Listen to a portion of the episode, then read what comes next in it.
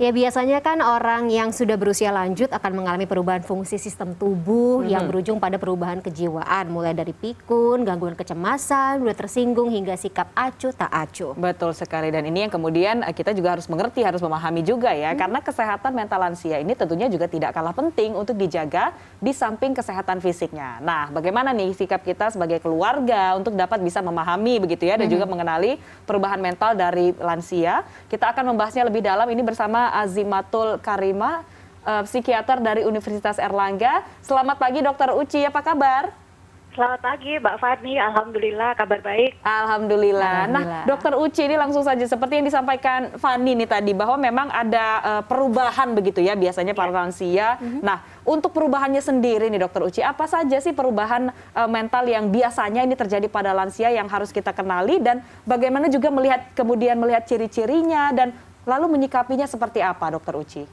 Baik, uh, ini kita bicara dulu yang normalnya ya. Mm -hmm. Normalnya lansia itu semakin uh, lanjut usianya, semakin besar resiko lansia untuk mengalami kesepian. Tadi sudah disinggung di tayangan sebelumnya. Mm -hmm. ya, ada istilah yang namanya empty nest syndrome. Jadi oh. sindroma sangkar kosong sindroma sangkar kosong ini yang dulunya kita bayangkan bahwa kalau uh, di usia muda, usia madya ini anak-anak berkumpul di rumah ya, uh-huh. uh, kemudian orang tua berinteraksi dengan anak, kemudian setelah anak-anak ini mentas ya, lulus, kemudian mendapatkan pekerjaan, mereka tinggal di kota yang lain, mereka uh-huh. tidak serumah dengan uh, orang tuanya, uh-huh. dan di situlah uh, burung yang tadinya berkumpul dengan anak-anaknya hmm. kemudian ditinggalkan oleh anak-anaknya sehingga mereka melihat bahwa rumah ini jadi kosong. Hmm. Jadi ada uh, apa ya semacam uh, kehampaan atau kekosongan di rumah karena anak-anak mereka berkarir atau tinggal di kota yang lain gitu. Hmm.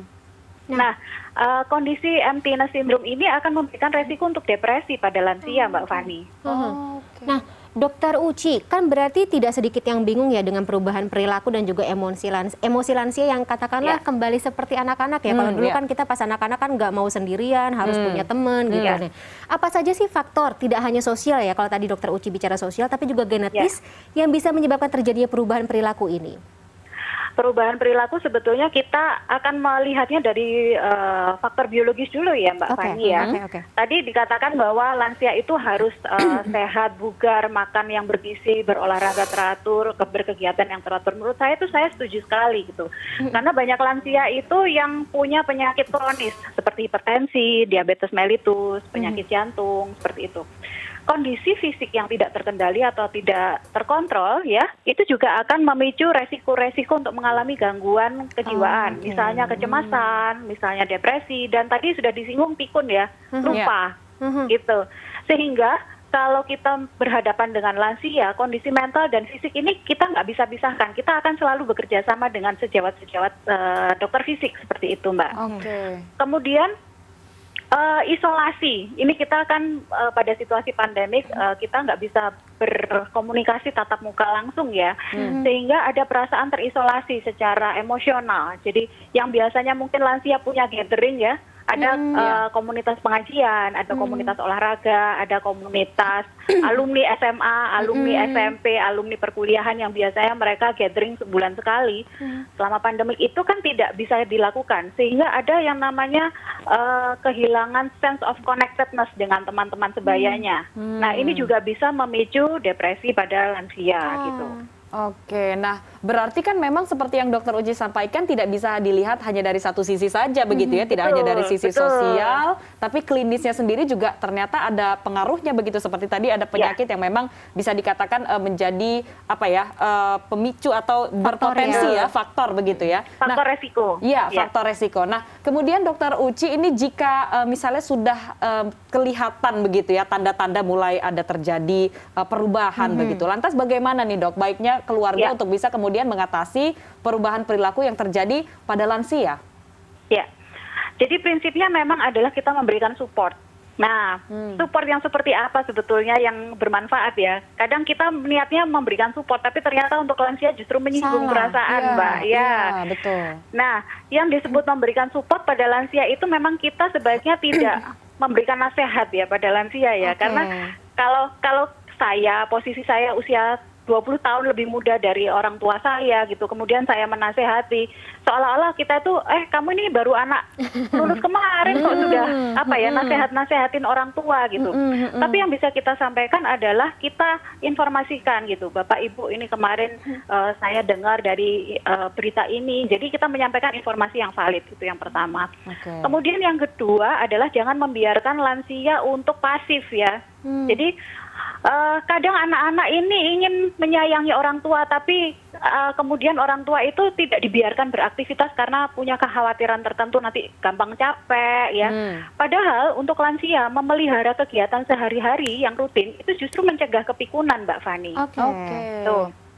Kemudian yang ketiga, perhatikan kesehatan fisiknya. Artinya kalau Bapak Ibu sudah ada faktor resiko, hipertensi, diabetes, penyakit jantung koroner atau penyakit yang lain, maka kita hubungkan eh, beliau-beliau uh, ini dengan dokter yang merawat selama ini. Mm-hmm. Mungkin banyak mhm. dokter yang sudah tidak praktek, tapi dengan uh, metode telemedicine ya saat ini cukup marak ya sehingga uh, orang tua kita itu jadi masih terhubung dengan dokter yang merawat sehingga kalau kita mengalami kebingungan kita bisa menanyakan pada dokternya. Hmm. Kemudian perhatikan uh, asupan nutrisi ya hmm. dan uh, kalau tadi Mbak Fani bilang bahwa lansia itu seperti anak kecil sebetulnya yeah. uh, apa ya uh, karena kemampuan belajar lansia itu menurun gitu. Oh gitu. Hmm. Okay. Jadi kemampuan belajar pada kondisi situasi sekarang ini kan kita perlu informasi baru, kita perlu menyesuaikan diri dengan informasi baru. Nah, untuk lansia memang kemampuan belajar ini menurun, ah. sehingga lansia-lansia itu lebih mengingat uh, memori-memori masa lalunya, dan mereka ah. menggunakan itu sebagai panduan untuk kehidupannya.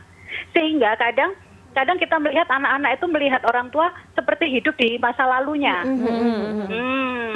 Nah, kehidupan di masa lalu ini yang membuat akhirnya uh, orang tua orang tua tidak bisa beradaptasi dengan situasi masa kini dan cenderung memaksakan kehendaknya dan cenderung ingin mendapatkan perhatian. Nah, itulah di situlah kita orang anak-anak itu melihat oh ini bapak saya kok jadi kayak seperti anak-anak ya, yeah. saya kok kayak mm-hmm. anak gitu. Mm.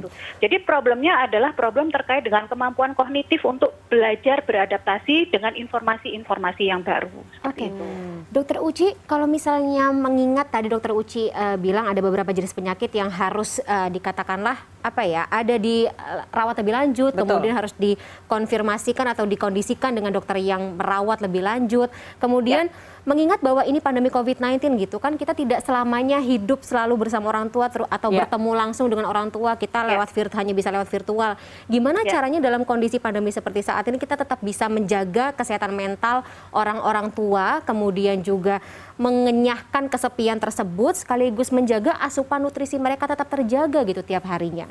Ya, jadi memang saat ini kita mengandalkan teknologi ya Mbak ya. ya. Teknologi kalau misalnya kita tidak serumah dengan orang tua kita. Jadi uh, apa kalau asupan-asupan nutrisi kita pastikan dengan um, apa ya ngecek apa yang ada di rumah dan kita berikan supply dengan kiriman-kiriman kemudian uh, sense of connectedness itu khusus untuk lansia Indonesia ini tampaknya memang spesial karena hmm. kita kalau di Indonesia itu kita punya banyak perhimpunan ya untuk lansia ya. Seperti yang tadi saya contohkan ya, yeah. komunitas pengajian, hmm. komunitas alumni atau goes gitu ya. Hmm. Hmm. Sebetulnya uh, komunitas-komunitas itu adalah substitusi substitusi untuk lansia supaya mereka tidak merasakan kesepian ya, tidak merasakan loneliness feeling atau kehilangan sense of connectedness. Jadi hmm. kita hubungkan dengan orang-orang yang dekat dengan uh, orang tua kita, misalnya tetangga atau mungkin kita mengenal ada uh, teman kerja orang tua hmm. kita yang hmm. masih sering berkomunikasi gitu ya. Hmm. Jadi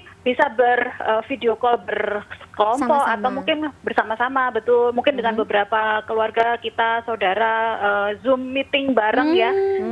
Ngobrol yang ringan-ringan sambil minum teh, minum kopi gitu. Hmm. Say hi, tanya gimana kabar anak, kabar cucu dan lain sebagainya. Itu hmm. juga bisa kita lakukan gitu.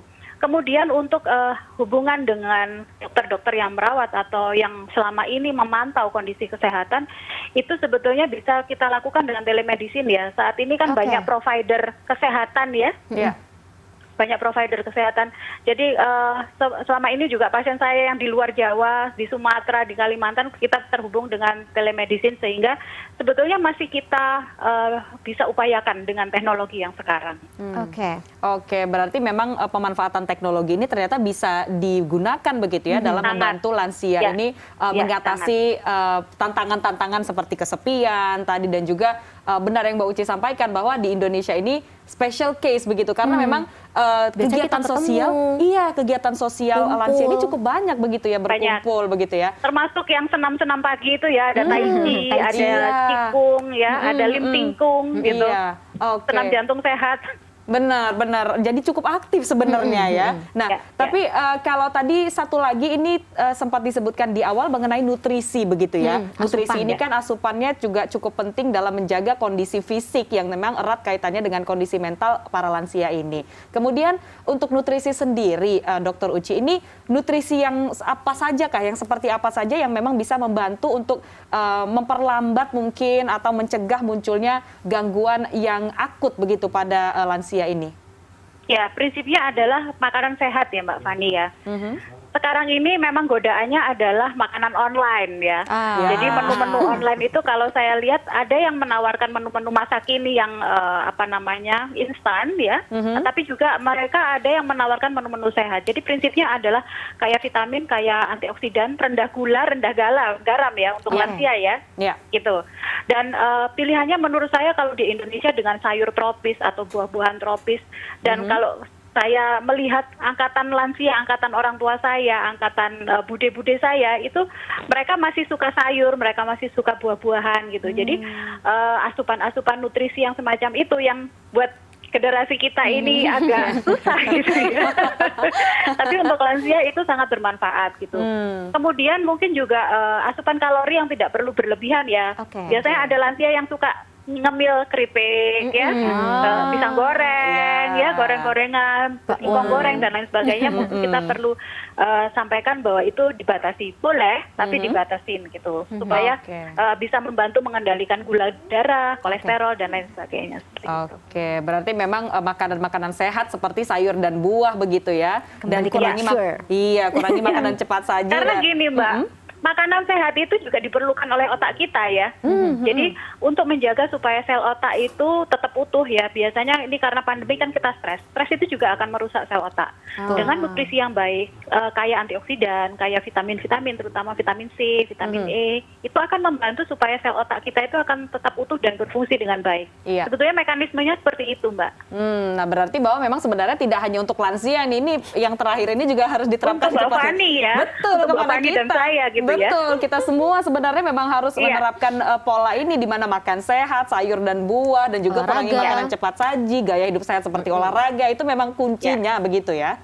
Betul. Baik, baik. Terima kasih uh, Dr. Azimatul Karimah, psikiater Unair, sudah bergabung hari ini bersama kami. Hatur nuhun, sehat-sehat selalu dokter. Terima kasih Amin. sudah bergabung bersama kami di After Ten hari ini.